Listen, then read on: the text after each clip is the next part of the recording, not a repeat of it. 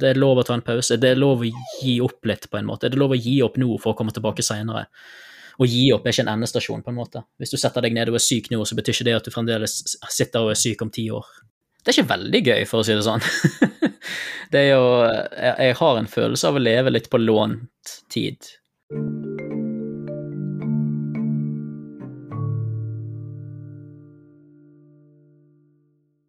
Velkommen til Også pasient, en podkast om usynlig sykdom, laget av meg, Kine Albrigtsen. Hvis du vil støtte jobben jeg gjør, så kan du bli min såkalte støttekontakt for ca. 35 kroner i måneden, eller du kan gi et valgfritt beløp én gang.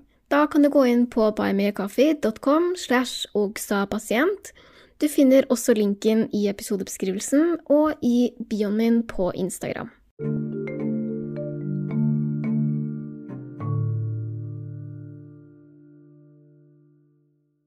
Da er vi klare for en ny episode av Også pasient, og ukas gjest er Eirik. Velkommen. Eh, takk, og hei. eh, vi skal snakke om eh, både noe som heter rakitt og mm. Eh, nyresvikt. Eh, men først så kan vi plassere deg litt. Eh, hvor i verden er du, hvor gammel er du? Ja, sånn. jeg, jeg, bor i Bergen. Um, og kommer fra Bergen. Det er mulig du hører det på uh, aksenten. Så vidt. Uh, så vidt. Um, jeg gjemmer den godt, tror jeg. Uh, ja, um, jeg bor på et sted som heter Loddefjord. Uh, jeg er 35. Jeg er uføretrygdet. Yes. Og så, for å ta det, plukke det litt fra hverandre, hva det er for noe Først, um, kanskje vi kan starte med uh, rakitt. Hva for slags sykdom er det? Uh, rakitt er en beinsykdom um, som ofte den, den, er veldig sjelden nå. Den var mer vanlig før, for den har med vitaminmangel på en måte å gjøre. Så det er noe som barn vanligvis får. Uh, sånn som jeg forstår det, i alle fall, så er det noe som barn vanligvis får hvis man får det. Og uh, det gjør at beina, altså skjelettet, uh, mykner på en måte. Um, og siger utover, f.eks. spesielt i ankler og knær, vises det, vises det veldig godt. Fordi at du går jo på, på, du går på beina, holdt jeg på å si, og da legger du vekt på de, og da, når du er i en sånn vekstfase, så siger på en måte knærne litt utover eller innover, og anklene på samme måte. Sånn som det begynte hos meg, da, så begynte det jo med at jeg fikk vondt i anklene, rett og slett. Uh, at jeg hadde en smerte i anklene som føltes veldig uforståelig. Og da var jeg tolv år gammel når jeg uh, fikk den. Og jeg uh, Jeg trodde jo, både meg og Foreldrene mine trodde jo først at det var voksesmerter, for du er jo i den alderen.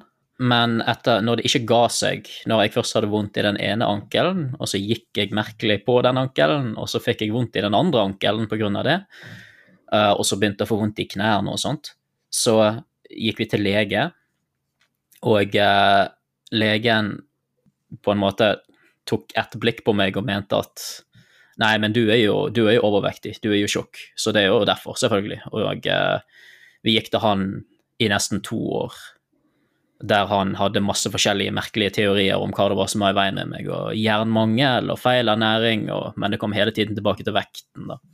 Hvordan opplevdes det? Jeg husker ikke det veldig godt, sånn rent bortsett fra Altså, når du er tolv, på en måte, så er du ganske tillitsfull til autoriteter når du er 11-12 år gammel, så det, det, var vanskelig for meg å sette noe spørsmål ved det, på en måte. Man stoler vel bare um, på de voksne, og i hvert fall leger, kanskje, som jo er de som skal hjelpe deg når noe er galt. Ja, ja det er akkurat det. Du Og det er jo vanskelig også fordi at til og med i voksen alder, så selv om jeg vet jeg nok burde stole mindre på, på folk på sånn helt sånn helt uten videre, så er det vanskelig fordi at jeg er veldig klar over at uh, området jeg vet noe om, er ganske snevert, på en måte. Jeg, jeg, kan jo ikke noe om medisin, så hvis ikke jeg stoler på leger, hvem skal jeg stole på da, liksom? Mm. Og, men sånn, selvfølgelig, når jeg var tolv Du går til en lege, en mann som sitter på et fint kontor og som har masse dokumenter og ser ut som en skikkelig profffyr, så jeg som tolvåring kan ikke sitte der og si «Eh, er du helt sikker på at det er det som er tilfellet? Sånn, altså. det, er sånn, det, er ikke sånn, jeg holder på med når du, Det er ikke sånn som du gjør når du er tolvåring. Men eh, Så det var på et eller annet tidspunkt etter de to årene at eh, min far Eller han, først så begynte han legen å eksplisitt si at han trodde at jeg simulerte, altså at han trodde at jeg fant på det. Eh, igjen, to år inn i et, Og på et tidspunkt der jeg, jeg kunne ikke gå i trapper fordi at det var for vondt å gå i trapper. Uh, så for meg å gå opp og ned trapper, eksempel, var Det tok meg kjempelang tid, for jeg måtte ta ett skritt, og så måtte jeg stoppe og vente til det sluttet å gjøre vondt, og så måtte jeg ta ett skritt til. Så det var jo uh, vanskelig. Hvordan smerte var det? Går det an å si noe om det? Jeg husker han som veldig skarp. Altså Tenker seg at eh, det er noen som liksom hamrer spikere inn i anklene på deg. Det er omtrent der, og det var jo Ja, jeg vil si det var den sånn stikkende, vond, sånn sprengende nesten type smerte. Mm. Det er sånn jeg husker han. Um, og eh, på det tidspunktet så Min far eh, tok med seg legen ut av kontoret og bort til trappene og fikk han til å se på at jeg gikk opp og ned de trappene. For å, og så skulle han se, altså, se meg i øynene og si at min sønn simulerer noe. Mm. Uh, og da sendte han oss endelig videre til Haukeland, til en spesialist, Okay. som fant ut at det var rakett. Det tok ganske lang tid da, før du fikk eh, spesial, eller sånn spesialistoppfølging. Ja, det gjorde det. Det burde tatt mye mindre tid, spesielt med tanke på hva de faktisk fant når jeg kom på Haukeland. Fordi um, da har det jo gått to år da, med smerter fra du er 12 til du er Mm. 14, eh, som jo ikke ble bedre. kanskje, ja, for jeg var kanskje 11-12 til jeg var 13, tror jeg. Ja, Jeg, ble, jeg fikk jo diagnosen da jeg var 13, så ok. Det er lenge nok siden at det er litt sånn vagt. Forståelig nok. Um, men ok, hva, hva skjer når du kommer på Haukeland og noen sier du har eh, rakitt? Uh, Ja. Jeg uh, vet jo nesten ikke hva det er engang, før jeg begynte å snakke med deg. Ja. Uh, og som barn så har man jo ikke kjempegod medisinsk kunnskap, som du sa noe om. Hva skjer da, når man får liksom beskjed om at ok, du har denne sjeldne sykdommen? Nei, det er sånn som jeg husker det, uh, min mor har fylt på litt detaljer, um, var jo at jeg kom på Haukeland, og de tok en del prøver, og de lurte først på om det kunne være leddgikt, rett og slett. For jeg har en i familien som har leddgikt. Um, Og det det går vel også mye på smerter i sånn Ja. eh, ledd og muskler og hmm. ofte Ja. knær og ja. Ja, så det var jo Det passet jo noenlunde greit. Um, men så tok Haukeland Haukeland sykehus en del prøver av meg, og fant ut av at uh, uh, nyrene mine ikke fungerte. Altså at jeg var i uh, det de kaller terminalstadiet, rett og slett. At jeg var tilnærmet døende på det tidspunktet, for det hadde gått såpass lang tid. Um, og det viste seg at raketten og overvekten og mye forskjellige andre ting var symptomer på at nyrene mine ikke fungerte, rett og slett. Det tok ikke mer enn to uker når jeg kom til Haukeland, to eller tre uker, før de hadde funnet ut av nøyaktig hva som var i veien med meg, når de tok de riktige prøvene og tok helheten med alle symptomene og faktisk tok det på alvor og gjorde jobben sin, rett og slett. Ja, det å ha um, så dårlige nyrer når man er så ung, betyr det at du har hatt dårlige nyrer hele livet, eller kan det komme helt plutselig, eller hva, hva er årsaken til det? Uh, I mitt tilfelle så er teorien, de kan ikke vite sikkert, men teorien er at jeg ble født med nyresvikt, og at frem til at puberteten begynte å treffe, så hadde jeg en, en restfunksjon, som de kalte det. Altså jeg hadde akkurat nok nyrefunksjon til at ikke jeg gikk rett inn i sånn døende tilstand, men at jeg hadde nok mye forskjellige, som f.eks. For overvekten, og at jeg ikke kunne bevege meg like greit fysisk som de andre barna, og uh, på, sånne problemer. Uh, så det hadde jeg jo hatt hele livet. Men når jeg var såpass ung at den restfunksjonen på en måte holdt meg ved like som noenlunde, da, helt til jeg traff puberteten, og det plutselig, plutselig så jeg, begynte jeg å vokse opp, og kroppen min begynte å forandre seg, og nyrene mine taklet ikke det, rett og slett. Så de sviktet helt da. Ja, fordi hva er egentlig nyresvikt? Hva, hva går det ut på? Uh, det er nyrene som svikter. Hva, ok, For å rephrase, da, hva, hva gjør nyrene, på en måte? Hva, hvorfor er det så viktig at de, de gjør det de skal? Uh, nyrene renser blodet ditt for giftstoffer. Så det som skjer når nyrene svikter, er jo at uh, blodet ditt sakte, men sikkert uh, akkumulerer gift, rett og slett. Altså ting som burde skilles ut og tas ut i urinen hovedsakelig. da. Uh, så det er jo sakte, men sikkert på en måte at blodet ditt blir giftig for kroppen din. Uh, sånn som jeg har forstått det, da. Um, det er jo enorme mengder med sånn medisinsk terminologi som ikke jeg har noe konsept om, så når jeg prøver å lese meg opp på det, så blir det veldig mye veldig mye sånn ha en ordbok åpen ved siden av meg og begynne å prøve å finne ut det. Hva Mm. betyr det ordet? Um, men sånn som jeg forstår det, da, så er det det, rett og slett, at uh, ja, du får, ikke, du får ikke skilt ut det du liksom skal ha ut, den avfallet du skal ha ut i urinen, rett og slett, det får ikke du skilt ut. Så det blir liggende i blodet ditt. Høres jo vesentlig ut å få gjort, få gjort den jobben, eh, og det, det er det jo også. Ehm, så hva gjør man da, når man finner ut at eh, forholdsvis veldig ung person har nyresvikt, har rakitt som følge av det, Uh, Mm. som jo i hvert fall var veldig nytt for meg, at det, det kunne henge sammen. Jeg hadde ikke tenkt på det før i det hele tatt. Nei, det er jo ikke Det er en såpass uvanlig sykdom, for den kommer av mangel på vitamin D. Uh, og en av tingene som skjedde som resultat av nyresvikten, og igjen, det er sånn som jeg har forstått det i løpet av årene og den siste tiden når jeg har lest meg opp på det, da, er jo at rakett er en resultat av en tilstand som er et resultat av nyresvikten. Altså nyresvikt gir deg D-vitaminmangel, og av det så får du Ja. rakitt. Mm. At eh, kroppen min klarer ikke å ta opp, eller skjelettet mitt klarer ikke å ta opp vitamin D, og dermed så utvikler jeg rakitt. Eh, direkte. Så igjen, raketten, selv om det var det som vi gikk til legen for eh, til å begynne med, var jo faktisk det som var hele clouet, på en måte. Det var jo det sterkeste symptomet, i tillegg til overvekten, faktisk. Uh, så var det de to veldig sterke symptomene på at nyrene mine rett og slett ikke fungerte. Du har jo fått uh, ny nyre. To ganger, faktisk. To ganger. Yes. Ok, men første gang, hva, hva skjedde? Når fikk du ny nyre første gangen? Første gangen jeg fikk ny nyre, så var jeg 14. 14 år gammel. Og jeg, eh, på det tidspunktet så var ikke teknologien kommet langt nok til at de kunne ha folk med forskjellig blodtype eh, til å gi hverandre organer. Um, så da måtte jeg på transplantatliste, altså transplantasjonsliste, og vente på at det kom et organ, enten fordi at noen ga det fra seg, eller fordi at noen døde.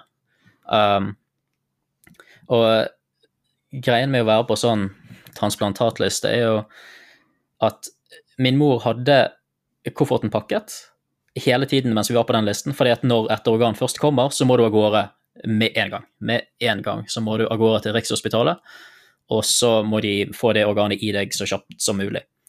Uh, så når jeg var 14, så var det jo det som skjedde, rett og slett, at vi fikk en telefon fra Rikshospitalet om at OK, vi har et organ, kom nå.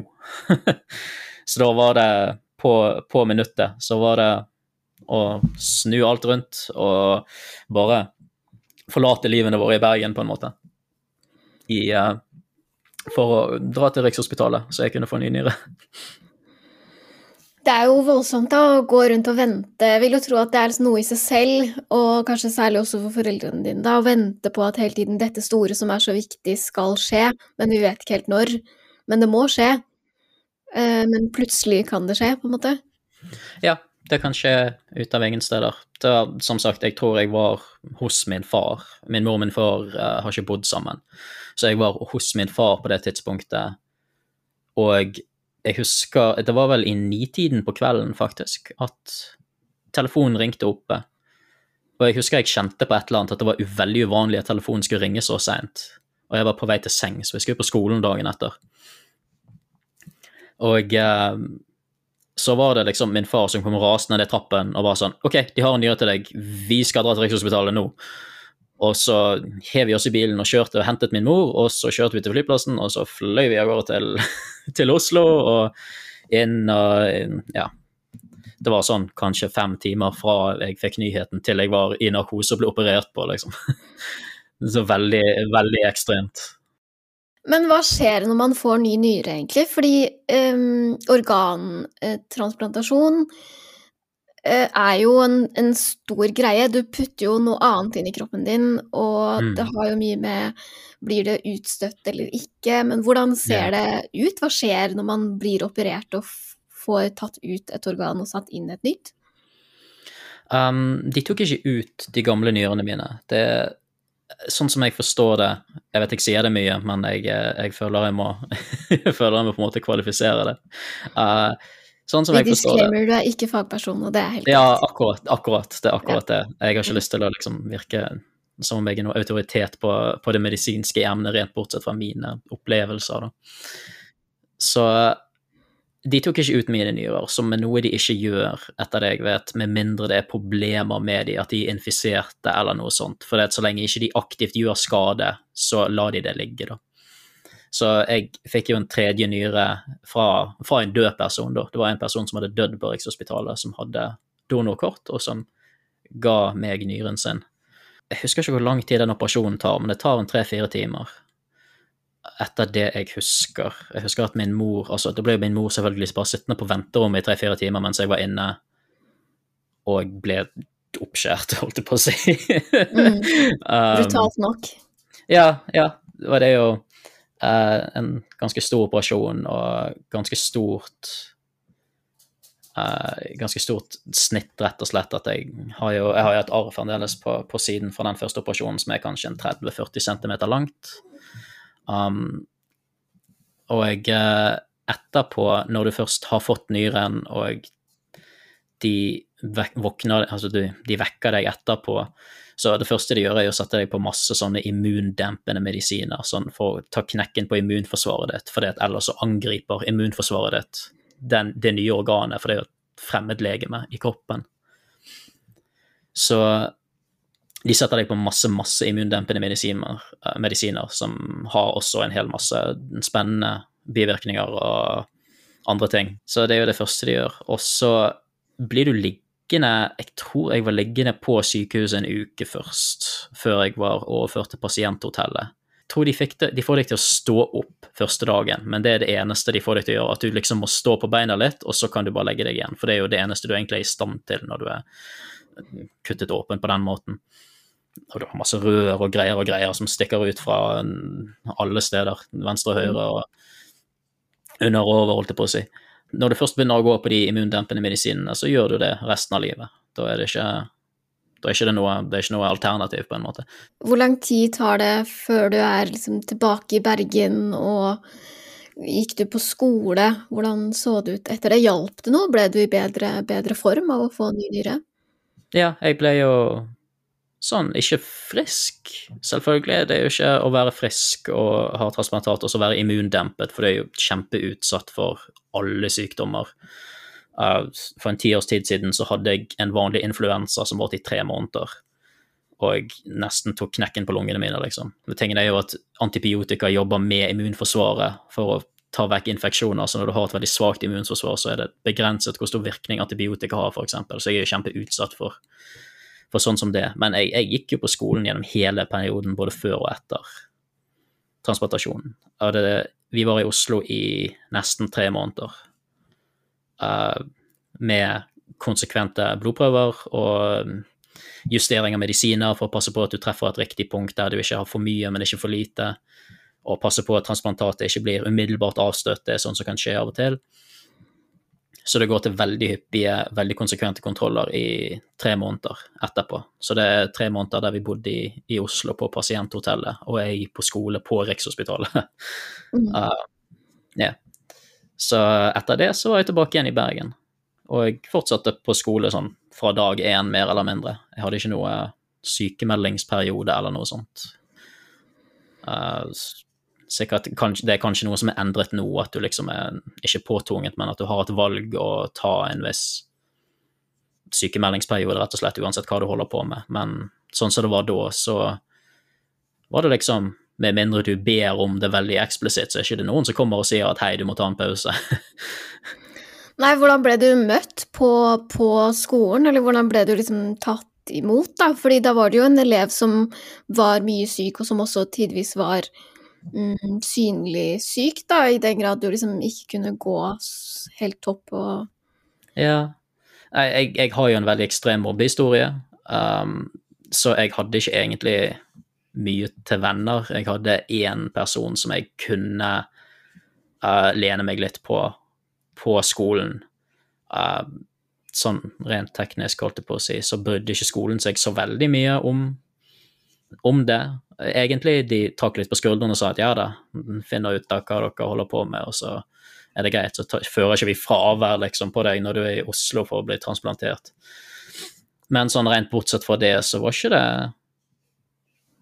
Altså, de brydde seg rett og slett ikke så veldig, den skolen som jeg gikk på, da. Og eh, elevene enten brydde seg ikke om meg eller var fryktelig stygge med meg.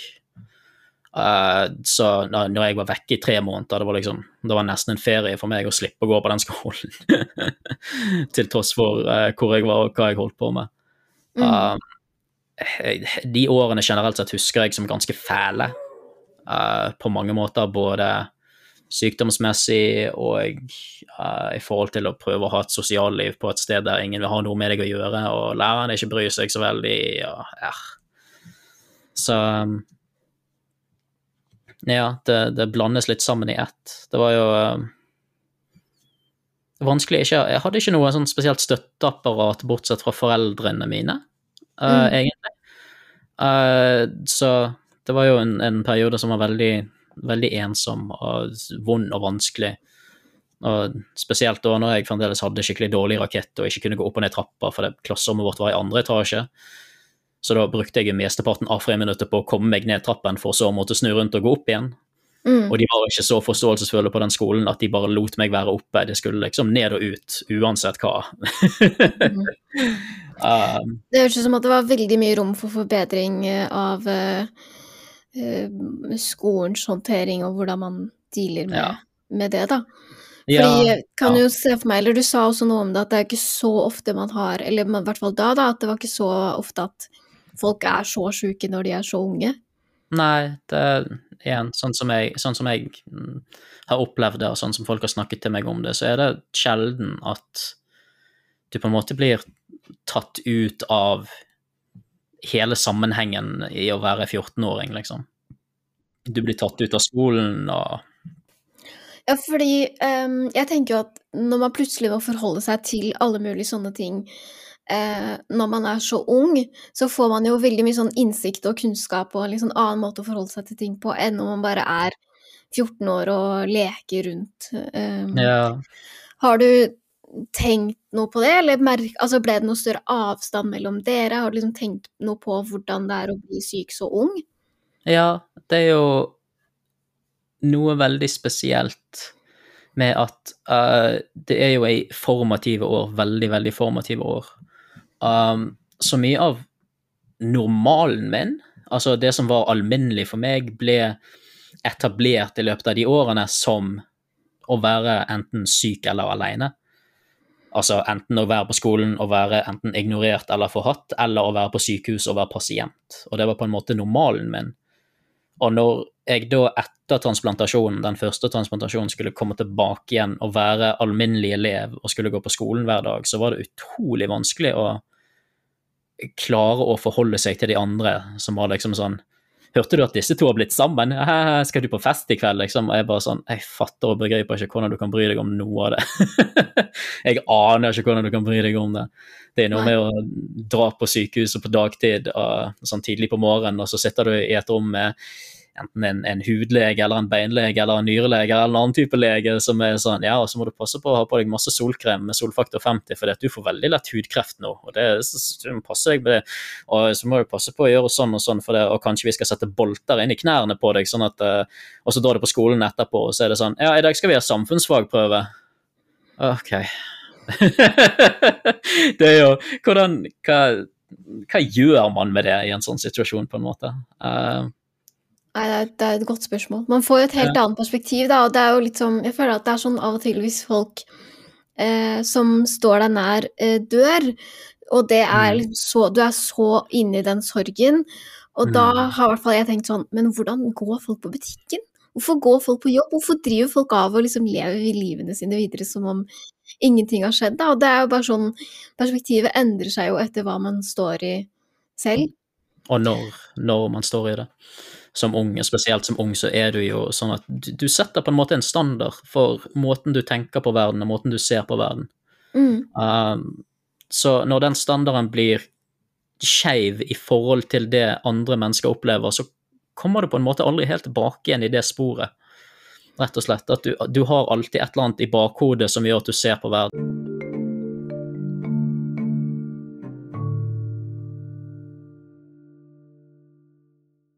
På en annen måte. For å ta, for å ta det først, da. Når etter transplantasjonen, eh, hvordan eh, merka du eh, rakitten etter det? Ble det bedre? Blir man frisk fra rakitt? Går det over? Uh, I mitt tilfelle Du blir frisk, men i mitt tilfelle så hadde jo beina vokst seg litt feil. Rett og slett, så knærne mine er litt bøyd innover. Hvis jeg står rett opp og ned, så ser du knærne mine gå litt i vinkler. Og det samme med anklene mine, går litt i feile vinkler.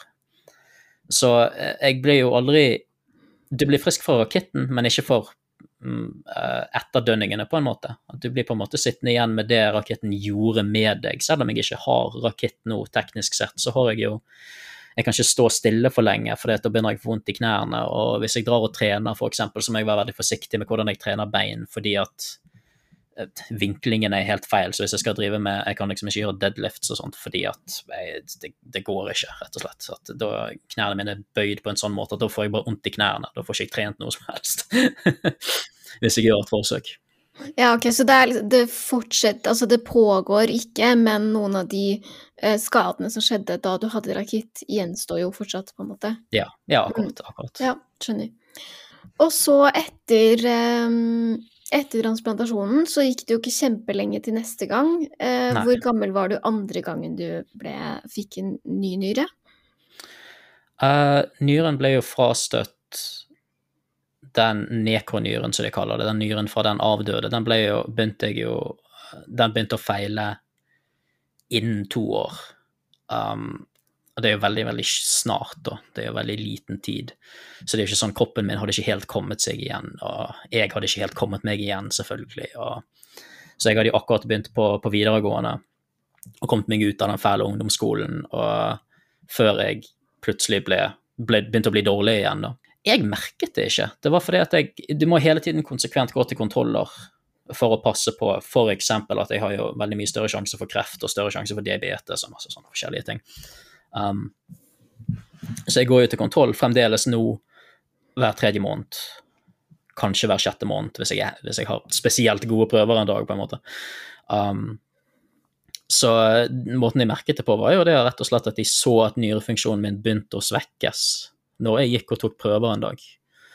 Og så begynte å sette meg i behandling um, for å prøve å, å redde den nyren, da, men det gikk jo da ikke. Eh, var det fordi nyren var dårlig og gammel, eller fordi kroppen ikke ville ha den? Uh, kanskje en kombinasjon, det vet jeg ikke. Jeg vet jo ingenting om den avdøde. Jeg vet ikke, De kan godt ha vært en ung, frisk person som var i en ulykke, eller de kan ha vært 95 og vært på dødsleiet lenge. Ja, for det, er anonym donasjon. Ja. Mm, så ja. Jeg, vet jo, jeg, vet jo, ingenting om den personen, og det var ikke sånn at jeg glemte å ta medisinene mine eller noe sånt. Jeg hadde jo alarmer på i hytte og pine for å være helt sikker på at jeg tok de, og det er bare uflaks, rett og slett. Ja, jeg skjønner. Uflaks, ja. Som gjorde at den nyren begynte å svikte. Um, mm. Så, men det tok jo lang tid før jeg fikk neste nyre, fordi at delvis fordi det gikk sakte nedover med meg, uh, delvis fordi at jeg var jo begynt å bli litt eldre da. Igjen, jeg er jo bare 16-17, men gammel nok til at det ikke Jeg tror nok ikke jeg var like høyt oppe på den transplantatlisten som, som første gang. Mm. Uh, og da var jeg jo i dialyse uh, i noen år i tillegg, før vi kom så langt som til andre transplantasjon. Hva er uh, dialyse? Dialyse er en nyrerensende behandling. Det er at du får lagt inn enten et kateter, altså et rør rett og slett, i, i kroppen, eller at du får um, implantert noe de kaller en, uh, en fistel, som er på en måte en, sånn som jeg forstår det igjen, en sammenkobling av blodårer i, i, i, armen, sånn at du får en sånn skikkelig, skikkelig masse, altså du får masse, masse blod til å kjøre gjennom den, den store, den store fistelen. Og så uh, trekker de blodet ut og inn gjennom en maskin som renser blodet på samme måte som en nyre ville gjort, og så setter blodet inn igjen i andre. Så da blir du sittende koblet opp til en maskin som renser blodet ditt sakte, men sikkert i løpet av en fire-fem timer. Um, tre til fire ganger i uken. Det er lenge. Eller det er ofte og mye. Ja. Det er ofte og mye, og det er jo helt utrolig slitsomt. Og eh, det er noe med at rett etter dialysen så føler du deg både veldig, veldig sliten og egentlig ganske bra, fordi at nå er jo blodet renset, så nå er jo alt liksom litt, litt bedre. Men så, sakte, men sikkert, i løpet av de neste dagen, så blir blodet ditt bare verre og verre og verre, og så føler du deg verre og verre og verre, og så er du tilbake inn i dialysen for å, for å redde livet ditt, rett og slett. da. Det går fortere enn jeg har tenkt, på en måte.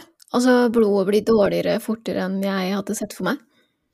Ja, det pumpes jo masse blod gjennom alle organene, og spiser og drikker hver dag, og det er jo masse stoffer som skal skilles ut hele tiden. Så det er jo Men det er jo sånn, du, du tenker jo ikke på det med mindre det plutselig blir viktig for deg, på en måte. Absolutt. Heldigvis ikke, kanskje. Ja, selvfølgelig. Heldigvis ikke. Det er jo ikke sånn man, man burde trenge å tenke på. Uh, ideelt så skulle kroppen bare fungert optimalt helt til den veldig plutselig ikke gjorde det lenger, og så var du 95 eller hva. Ja, sant. Det, jo... det hadde vært ideelt, syns jeg. Ja, sant. jeg tror mange som hører på også tenker at det hadde vært ideelt. At uh, vi bare Det bare funka, det hadde vært det beste. Ja, det men sånn, sånn er det jo ikke. Det Nei, det ikke det. Um, men ok, ny, uh, eller hvem sin nyre endte du opp med å få? Um, jeg fikk min mors nyre. For på det tidspunktet i 2008, når jeg var 21, um, så hadde utviklingen på det området gått så langt at de kunne gi meg en nyre fra noen med ulik blodtype som en mor uh, som har ulik blodtype for meg, kunne faktisk gi meg en nyre på det tidspunktet. Og det kunne hun ikke gjøre i, i 2001, når jeg var den første transplantasjonen. Da. Så ja, uh, da fikk jeg min mor sin. Og uh, måtte gjennom enda en behandling når vi var på Rikshospitalet. Det var jo selvfølgelig ikke fullt så brått, for da vi jo, fikk vi jo en dato og dro inn en uke eller to før, sånn at jeg kunne få jeg kunne få en behandling som, som fjernet antistoffene fra, fra, blodet mitt, sånn at kroppen min lettere kunne akseptere den andre nyren. Så da ble jeg jo sittende i maskiner i ti timer i stedet for fire. den, de, den, uken eller de dagene. Ja. Uh, men uh, selvfølgelig, da er det jo en veldig kort periode, så selv om det var vanskelig der og da, så var det lettere å håndtere enn å være i dialyse, for, for da visste jeg jo ikke hvor lenge. Nei, det er jo lettere med mange ting som har en slags sånn ende, når du vet at ok, jeg skal holde ut til da, så føles det litt enklere ut. Litt, eh, litt enklere å håndtere det, da. Det er, det. Mm. Men hvordan gikk det uh, da? Hvor, altså, er det like stort inngrep? Er det like stort um, opplegg i etterkant? Tar det like lang tid å komme seg Ja, jeg, sånn som jeg husker det, så var det ganske likt. Uh, jeg var jo eldre da, så det tok jo lite grann Noen ting tok litt lengre tid, noen ting tok litt kortere tid, etter det jeg husker. Eh, det tok kortere tid før jeg fysisk kom meg igjen, sånn i forhold til å stå og gå og sitte oppreist og, og sånne ting. Det tok litt kortere tid, men det kan jo også være fordi at jeg opplever tiden annerledes som 21 enn som 14. Så du vet jo aldri. Det var en veldig liten operasjon for min mor en såkalt skikkhullsoperasjon, der de bare snittet et bitte lite, bare et par centimeter, og så gikk inn og snek ut nyren. så det er jo kjempe hun, altså Jeg har jo mer arr enn hud, holdt jeg på å si, på dette tidspunktet, men det er jo uh, Min mor har bare et ganske lite et på, på, et lite sted. Men for min del så har jeg jo jeg har jo to ganske like, like lange arr på hver side av kroppen, på en måte. Mm. Så det er jo Ja. Uh, så sånn som jeg, jeg, husker det, sånn som jeg opplevde det, så var det ganske likt første og andre gangen, rett og slett. At det var ikke noe Det tar rett og slett bare kroppen så lang tid å komme seg igjen og medisinene du skal på, er like intense og gjør det samme. Og, mm. ja. Så Men har de putta inn en fjerde nyre, eller har de tatt ut noe da? Hvor mange nyrer kan man ha i kroppen sin? Eh, jeg har fire, så det var en fjerde. Du har fire nyrer inni kroppen din? Jeg har, fire nyrer. Du har dobbelt opp, ja. Jeg har dobbelt, og bare én av de som funker. Hvordan er det å ha tre liksom, blindpassasjerer? Uh, jeg vet jo ikke noe annet, på en måte, så jeg vet ikke hvordan det er sammenlignet med andre. Uh, jeg tror de fleste andre tenker ikke så mye over at vi har nyrer, på en måte. Vi vet at de er der, og så har vi ikke så veldig mye bevisst forhold til det, kanskje. Nei, det, det er litt samme. Jeg kunne spurt deg hvordan er det å ha to nyrer. Uh, ja, nei, det vet jeg ingenting om. Nei, sant, for det, du, ikke, du, sitter jo ikke der og kjenner at hm. Der er den. ja, hm, der ligger, jeg kjenner at de ligger der, ha-ha. Men jeg har ikke tenkt over at man, kan, at man har plass til alle, holdt jeg på å si. At man kan bare putte de inn der. Jeg vet ikke hvor stor er en dyr, egentlig? Ble usikker på alt, jeg nå.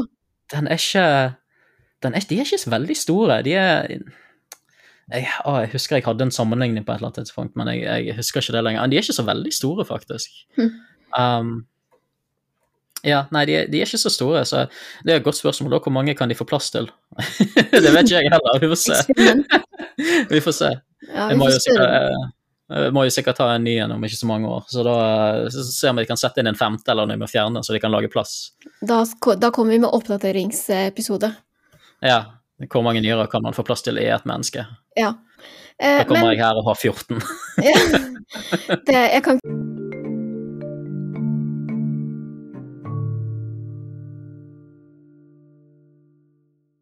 så jeg gleder meg på dine vegne, men interessant blir det. Da har du øh, fått en ny nyre til, mm. og den har du fortsatt. Den har du da hatt nå i 14 år, cirka? Skal vi se Ja, 14 år. Og den har fungert? Den fungerer utmerket.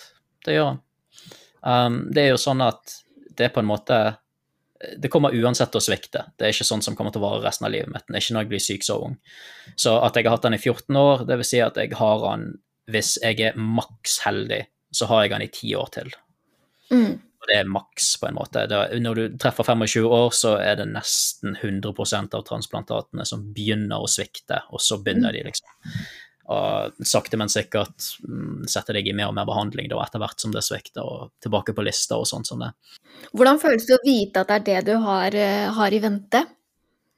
Eh, eh, mm, det er ikke veldig gøy, for å si det sånn. det er jo Jeg har en følelse av å leve litt på lånt tid.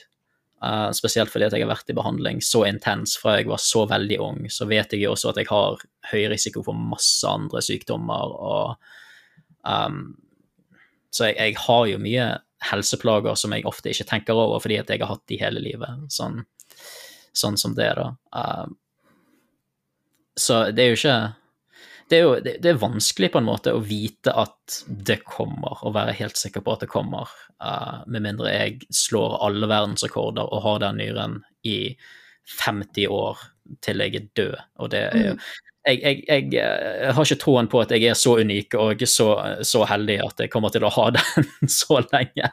Um, men det er Jeg vet ikke, du skulle jo trodd at kanskje det dyttet meg til liksom å leve i nuet, eller hva, hva, du vil si, men uh, jeg vet ikke. Det blir så Jeg, klarer liksom aldri helt å ta det inn over meg, for du kan ikke leve på den måten og vite sikkert at det, det, det kommer. Så jeg, altså, jeg tar jo så godt vare på meg som jeg kan, litt krampaktig kanskje, at jeg er veldig besatt til en viss grad av å spise riktig og drikke riktig, drikke mye vann og passe på hele tiden ha sånn gjennomskylling av med masse vann. Jeg drikker minst to liter vann om dagen, og det er noe mindre er ikke akseptabelt for meg. Og... Har du blitt mer sånn bekymra for helsa di på grunn av det, tror du? Eller opptatt av den? Jeg har nok blitt mer opptatt av den, men igjen, det er på en måte normalen min, så jeg er ikke Jeg klarer ikke helt å se for meg hvordan det er å ikke være så opptatt av helsen sin. Nei, jeg skjønner. Uh, så jeg Jeg vet ikke. Jeg, jeg sliter Det er også noe som du sliter med Jeg slet med mer da jeg var yngre, nå som jeg er 35 og vi begynner å komme opp nok i årene til at de fleste vi kjenner, har hatt i alle fall noe helseplager. Jeg kjenner at jeg kommer bedre overens med de aller fleste på min alder enn jeg noen gang har gjort. Så jeg er på en måte den som ikke egentlig har noe imot å bli eldre, delvis fordi at jeg vet nøyaktig hva alternativet er, og fordi at jeg er sånn Hurra, noen som, noen som forstår meg. jeg kan faktisk relatere meg til, til, noe med andre mennesker. Det er ikke bare ha-ha, jeg var på fest en gang, og så gjorde jeg dette og dette, og jeg er sånn jeg har vært på tre fester i livet, og det var like kjedelig og irriterende hver gang. um, du sier jo kanskje noe om at det er øh, bedre å være mer sånn på linje med folk, da, fordi at du måtte jo bli voksen og tenke på veldig voksne ting i veldig ung alder, og at nå er man kanskje litt mer på bølgelengde. Ja, ja. Ja, det er jo Jeg kom jo så mye bedre overens med folk som var i 50-60-årene når jeg var 14, enn jeg gjorde med andre 14-åringer. Mm. Så jeg eh, snakket greit med Spesielt jeg hadde en engelsklærer på, på ungdomsskolen som var i 50-60-årene, som jeg kom kjempegodt overens med, og vi kunne sitte og snakke. Og det var en annen, en norsk lærer som hadde hatt noen helseproblemer, jeg husker ikke om det var noe kreft eller noe sånt, men jeg husker at jeg kom kjempegodt overens med henne, og vi kunne sitte og snakke sammen i friminuttene ganske greit. Mm. Uh, fordi at jeg Det var det jeg visste, og det var det jeg kunne relatere meg til. Så jeg uh, jeg har jo en, en, følelse nå som jeg er 35, at jeg på en måte vokser inn i meg sjøl til en viss grad. At jeg vokser inn i det mennesket jeg kanskje har måttet være siden jeg var 14. At jeg føler meg mer komfortabel med å være den alderen jeg er i nå, enn jeg noen gang har følt meg. um, ja. Jeg syns jo det gir mening, egentlig, at det er kanskje nå alt samsvarer.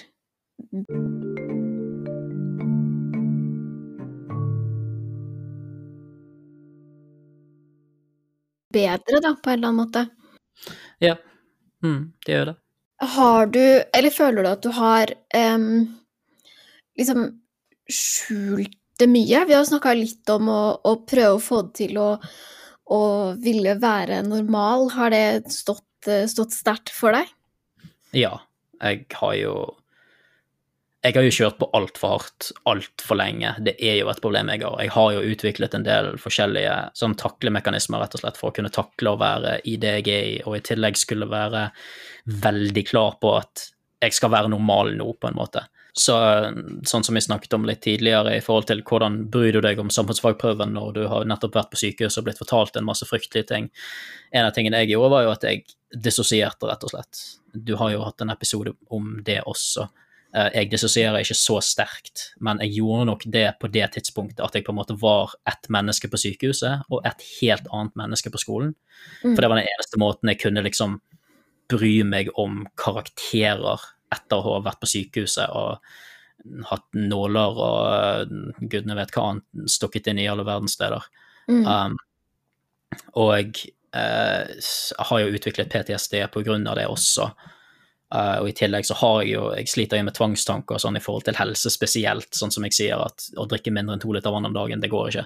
Det er ikke, det er ikke mulig å gå på treningssenter, om enn midt på natten, fordi jeg fremdeles er nervøs rundt folk. Jeg har fremdeles angst for folk etter den mobbehistorien min, så jeg går jo på treningssenter midt på natten. Men jeg gjør det fire ganger i uken fordi at jeg må. Eller så lar ikke hjernen meg sove, på en måte. Uh, men alt det utviklet jeg jo sakte, men sikkert for å takle og liksom tvinge meg sjøl til å være normal, da. Spesielt da i, uh, i 2008, når jeg Etter den transplantasjonen, så uh, var jeg veldig klar på sånn at OK, nå er jeg kroppslig frisk. Og da er jeg frisk med stor F. Da er jeg ferdig. Da skal ikke jeg Ikke et øyeblikk til skal liksom gå med i den der sykdommen. Ikke på noen måte. Så det at jeg har mareritt, eller at jeg dissosierer, eller at jeg ikke sover mer enn fire timer om natten, eller at jeg må, må, gjøre dette og dette før jeg klarer å sovne, eller at jeg ikke klarer å tenke på dette, eller at jeg går inn i et rom og plutselig ikke helt klar over hvor jeg er henne, og sånt. Det var sånn som jeg bare ignorerte og bare kjørte på. Og bare sånn Ja, mm -mm, niks, det skjer ikke. Ikke på noen måte. Jeg, jeg, er frisk nå, jeg skal være flink. Jeg skal ikke, jeg skal ikke være til bry for noen. uh, så jeg skal bare jeg skal bare kjøre på. Det er ikke, det er ikke noe annet som er et valg. Det er jo sånn Til en viss grad det er jo sånn man blir oppdratt, på mange måter. Er jo, det jeg husker de sa ganske ofte da jeg var liten, hvis det var noen som våget å si at de hadde lyst til å ta et friår fra skolen, eller noe sånt, var jo det at eh, nei, uten, uten, uten utdannelse så går det deg ille, og du, du, må jo jobbe, og du må jo få deg utdannelse, for ellers så ender du opp med å jobbe på McDonald's. Og det mm. var liksom skjebne verre enn døden var å måtte jobbe på McDonald's uten mm. utdannelse. Gud hjelpe deg hvis det kom til å skje deg med noen gang. Ja, det eller i kassa på Kiwi var liksom Ja, ja, ja. Det var, det var de to store. Det var mm. de to store helvetene. Det er liksom Kiwi og McDonald's. Mm. og det er jo selvfølgelig bare tull. Hvis, du, hvis, du, er komfortabel med å jobbe i kassen på Kiwi, så kan ikke du bare gjøre det. da. Ja, kjør på og vær fornøyd, altså. Ja, det er akkurat det folk er glade for så mye forskjellige ting. Folk blir lykkelige i så mye forskjellige situasjoner at eh, det er jo det er bare tull å skulle insistere på at de skal inn i Altså, du som rund pinne skal inn i dette firkantede hullet, på en måte. Mm. Uh, du skal inn i denne esken, koste hva det koste vil. Så skal du inn i denne boksen og passe inn. Um, jeg kan jo kjenne meg igjen i at jeg har i hvert fall prøvd å få til å passe inn i de boksene, selv om det kanskje ikke har vært mitt naturlige valg, da, eller det som har passa best. Um, og at det er jo ikke så uvanlig, tror jeg, å gå på bekostning av seg selv, da, for å prøve å få det til. Og som du sier veldig fint, egentlig, er at det er mange mekanismer som man kan bruke for å prøve å få til det, og så funker det jo kanskje bare så som så, da. For jeg vet ikke om du tenker at det var helt verdt det, på en måte. Det skapte jo i hvert fall mange andre problemer for det. Mm, det gjør jo Har du endra liksom, måten å gjøre det på nå, eller tenker du fortsatt at du prøver å få den runde dingsen til å passe inn i det firkanta hullet? Jeg sliter nok med det tankesettet enda, men jeg jobber jo Altså, jeg er uføretrygdet, selvfølgelig, så når jeg sier jobb, så ja. så mener jeg arbeid med meg sjøl, på en måte. Sånn som jeg jobber med meg sjøl, er veldig, veldig annerledes enn det jeg gjorde før. Og jeg er nok flinkere til å ta hensyn til meg sjøl, og flinkere til å gjøre ting som føles riktig for meg, og prøve å høre på meg sjøl. Og det er ikke alltid jeg klarer det det er jo dager der jeg kjenner på kroppen at jeg burde ikke gå og trene i dag, f.eks. Jeg bare burde ikke gjøre det. Men jeg gjør det allikevel, fordi at det er ikke noen mulighet å ikke gjøre det. Det, det går bare ikke. Da får jeg verken sove eller fred, eller jeg får ikke gjort noe annet. og Da får jeg bare sittende og stirre ut i luften og tenke at jeg skulle vært på trening nå, jeg skulle vært på trening nå, jeg skulle vært på trening nå. Så det skjer innimellom, men det skjer ikke fullt så ofte. Og bare det at jeg gikk inn i behandling i 2015 for dette, Delvis fordi at, som jeg sa tidligere, jeg uh, fikk en kjæreste som så meg såpass mye at hun måtte bare stoppe meg fordi at jeg hadde nok Altså, jeg tror jo på at jeg hadde kjørt meg til jeg hadde drept meg sjøl. Altså, hvis ikke hun hadde stoppet meg og fått meg inn i behandling, rett og slett. Mm. Uh, fordi at det, det, sitter så dypt i meg og ville være flink og fin og perfekt, og skal vi gjøre alle så fornøyde hele tiden på alle mulige måter. Det, jeg kjenner det sitter så dypt i meg. Um, så de siste syv årene nå, jeg har jo vært i, i terapi og i gruppeterapi mesteparten av den tiden. Og det har jo gjort veldig mye med meg, og jeg er mye klarere på hva begrensningene mine er, og hvorfor de er der, enn jeg har vært tidligere i livet. Uh, så jeg er jo flinkere til det nå, da, men jeg, jeg, jeg tror nok at jeg sitter med de etterdønningene av å skulle være flink og, og, skulle klare ting, og ikke skulle være en av de som bare går på uføretrygd. Jeg, jeg, sitter nok igjen med de etterdønningene resten av livet, det tror jeg. Jeg tror ikke at jeg aldri helt klarer til å klare å slappe av. Um, men jeg er jo flinkere enn jeg har vært nå, da. Det er til og med hvis jeg er syk, så går jeg av og til til legen. uh, ja. Sånn hvis det blir ille nok, da. Selvfølgelig. Jeg tror jo det er altså Jeg kjenner i hvert fall igjen fra mange andre jeg kjenner som, som er syke, at det terskelen deres for når ting er ille, eller når man burde ta hensyn, er jo veldig, veldig, veldig høy. Så jeg tenker at den kan med fordel senkes en, en del. Um, det er litt sånn vanskelig, fordi ofte så er det jo alltid et eller annet, så noe må man på en måte leve med til en viss grad. Og noen Ja. ganger så er det sånn, ok, nå burde du egentlig sagt ifra for en god stund siden at nå, nå er det noe som er galt her. Ja, nei, det er jo noe med det, som jeg sa tidligere også, at hvis fundamentet ditt blir skeivt, så vet du ikke helt når, hvor den grensen går, og det blir nesten umulig å vite det. Det blir nesten helt umulig å vite hva som er syk, og hva som er frisk, på en måte. Uh, hvis jeg blir forkjølet, for eksempel, så må kjæresten min si fra til meg at jeg må stoppe. Fordi at jeg legger ikke merke til det. Jeg er bare sånn, nei, jeg er bare litt snottete, og så har jeg 39 i feber og holder på å falle om, sant. Det er også blitt bedre da under pandemien, for å si det sånn, at jeg er blitt flinkere til å være litt mer obs på den type symptomer, skal vi si. Mm. Men det var jo iallfall sånn for noen år siden at eh, hvis jeg ble forkjølet, skikkelig forkjølet, og jeg burde vært sengeliggende, så måtte kjæresten min bare liksom holde meg nede omtrent. Fordi at jeg var sånn Jeg er ikke syk, det er ikke dette som er syk, jeg er bare litt sånn små, småguffen. For det, jeg, vet hva, jeg vet ikke hva det er å være syk, på en måte. Jeg har ikke noe, har ikke noe konsept om det. Samtidig så har du vært veldig mye syk, så du vet jo egentlig altfor Ja. mye om å være syk også, på en måte. Ja. Tror du det er en, et slags sånn em, Hva skal jeg si eh, Senskade eller virkning av å ha vært så mye syk?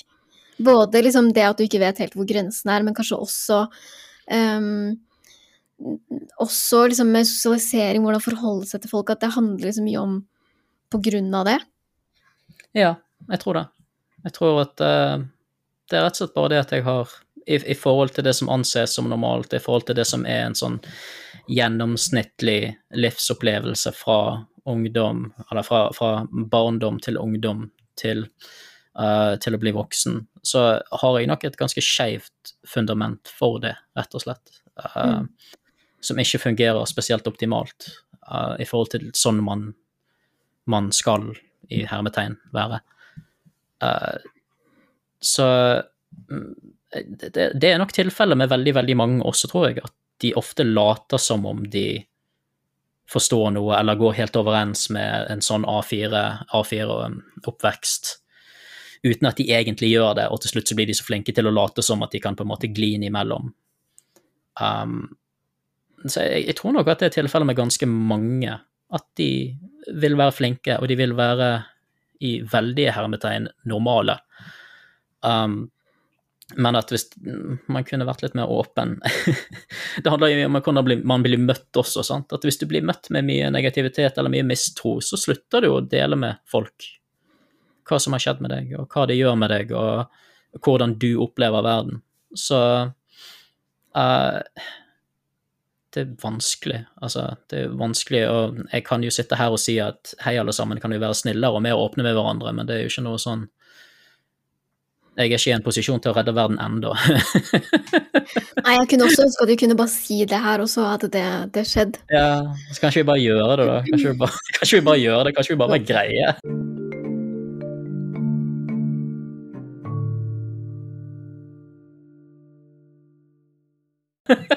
Åpne med helst. hverandre og slutte. helst, helst det. Um, Er det noe du kunne ønske at du visste? Altså, det går jo ikke an å gå tilbake i tid, men er det liksom noe du tenker at åh, jeg kunne ønske at jeg hadde med meg det, da, eller at noen sa dette, eller et eller annet som, som kunne hjulpet situasjonen? Um, det er lov å være syk, rett og slett. Altså, det er lov å stoppe. Du har lov til å stoppe at du har faktisk veldig god tid, spesielt når du er ung. Um, sånn på et mer personlig plan, så er det vel det jeg gjerne ville hatt noen å si til meg. Um, og så tror jeg kanskje Hvis noen hadde lært meg fra jeg var mye yngre at det går an å være usynlig syk, at uh, dette ordtaket med 'jeg tror det når jeg ser det', er faktisk ganske skadelig. Fordi at det er veldig, veldig mye man ikke ser. Så jeg tror nok at hvis noen hadde lært meg det da jeg var mye yngre, at det går an å være usynlig syk, så uh, tror jeg ting kanskje hadde gått bedre. Altså at det er lov å ta en pause, det er lov å gi opp litt, på en måte. Det er lov å gi opp nå for å komme tilbake seinere. å gi opp er ikke en endestasjon, på en måte. Hvis du setter deg ned og er syk nå, så betyr ikke det at du fremdeles sitter og er syk om ti år. Um, mer sånn rent praktisk så ville jeg sagt uh, uh, få alt på papir og ta vare på det. alt du går innom, alle steder du går, alle leger, alle psykologer, alle som har noe som helst med deg å gjøre, få de til å skrive det ned på papir og gi det til deg fysisk, og så tar du godt vare på det. det er uh, veldig fine betraktninger, syns jeg, og det er også sant, det med dokumentasjon. Det viser seg jo ja. igjen og igjen at ja. det å ha ting dokumentert lønner seg, da, på, i mange, mange situasjoner. Men hvis man må gjennom Nav-systemet, f.eks., som vi begge har vært, eller Det er mange ting hvor det lønner seg å faktisk ha sånn OK, men dette har skjedd, og sånn, sånn er det, og det kan jeg dokumentere, så, så hjelper det. Men jeg tror um, det du sa før, det også er veldig sånn fint og nyttig, og jeg kunne ønske at jeg også lærte alle de tinga. Um, ja. Jeg håper jo at gjennom også pasienter man kan vise at OK, det å være usynlig syk er å være eh, ekte syk, da, i hermetegn, fordi ja. um, det er mange som sliter, og det, er, altså, det syns jo ikke nødvendigvis. Nei, og sånn er det jo for deg òg. Ja. ja. nei, jeg tror at det hjelper nok. Det har jo hjulpet seg veldig de siste 20 årene, for jeg vokste jo opp på 90-tallet, og det var jo ikke akkurat mye fokus på mental helse på 90-tallet. Uh, og det har jo hjulpet seg veldig at du fokuserer på mental helse som nesten utelukkende er å være usynlig syk, på en måte. Mm. Du kan ikke se på noen og si at 'nei, jeg ser du er lilla i ene øyet, så det betyr at du er deprimert', på en måte. Selv om jeg har fått skrevet i journalnotatet at jeg ikke ser deprimert ut.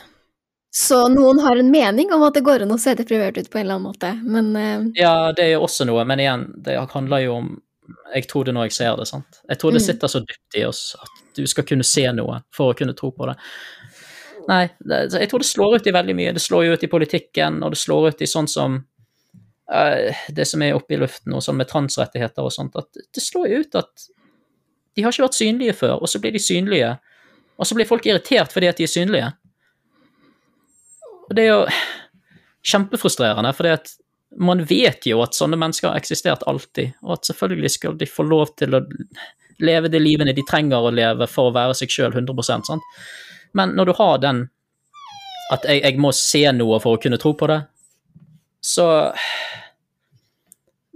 Alt blir liksom helt akterutseilt, for vi har så utrolig rike indre liv, både fysisk og mentalt, at det er jo det, Hvis det er én ting du, jeg vil at folk skal ta med seg, så er det jo det rett og slett bare at husk på at Eller hvis du har barn, lær barna dine at det går an å være syk uten at noen ser det og at det går an å Ja, at det går an å være syk uten at noen ser det. Jeg tror det er liksom både syk, og det går an å være annerledes, og det går an å være Ja, og kanskje at ting man ikke kan se, er også ekte, da. Ja. Og at det er ja, eh, ganske vesentlig. Jeg syns det er noen fine siste ord. Jeg kunne snakka med deg i en liten evighet, kjenner jeg. Men jeg tror episoden må, må slutte her. Eh, tusen takk for at du ville komme som gjest. Jeg syns det har vært veldig, veldig fint og veldig lærerikt. Det er bra. Jeg er veldig glad for at jeg kunne få være med. Jeg syns det, jeg synes det er utrolig viktig. Jeg har sikkert fått det fram, men jeg syns det er utrolig viktig å snakke om disse tingene. Jeg syns det er fantastisk at jeg tilfeldig kom over denne podkasten mens jeg bare satt på Twitter en dag, liksom. Jeg syns det er utrolig at uh, du har gjort det, og jeg håper den for, så vidt håper at den ikke går så lenge, for da er ikke det så mye å snakke om. Men samtidig så håper jeg at den går veldig lenge, nok til at vi får snakket om alt vi trenger å snakke om, på en måte. Så jeg tror det, ja, jeg tror det er viktig, og det er bra.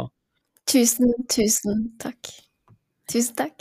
Målet må jo være at vi kan legge den ned, da, for det er ikke mer å snakke om. Det håper jeg. Ja, det var det, det, var det jeg mente. ja. Ikke sant? Så det hadde vært greit at det ikke var mer å snakke om. At om to uker så var det sånn Å ja, nei, nå er vi ferdig. Nå er vi ferdig. Ja, men vi har mange episoder på blokka enda, men da får vi sette strek ved denne. Hvor kan vi finne deg hvis vi vil høre mer?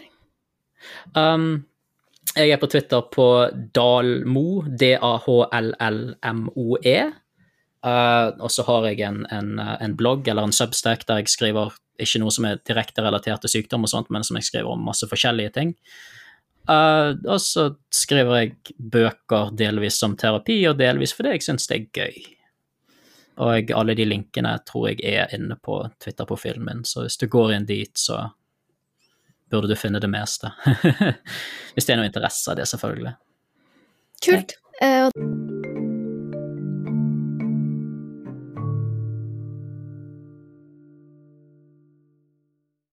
Det var også ukas episode, og tusen takk for at du ville høre på.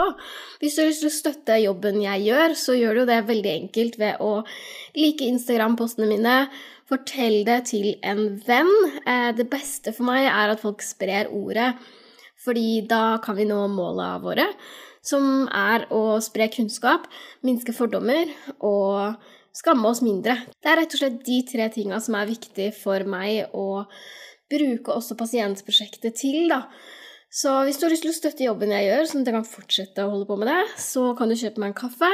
Link til det finner du i episodebeskrivelsen. Så jeg vil egentlig bare si tusen takk, og så høres vi igjen om to uker.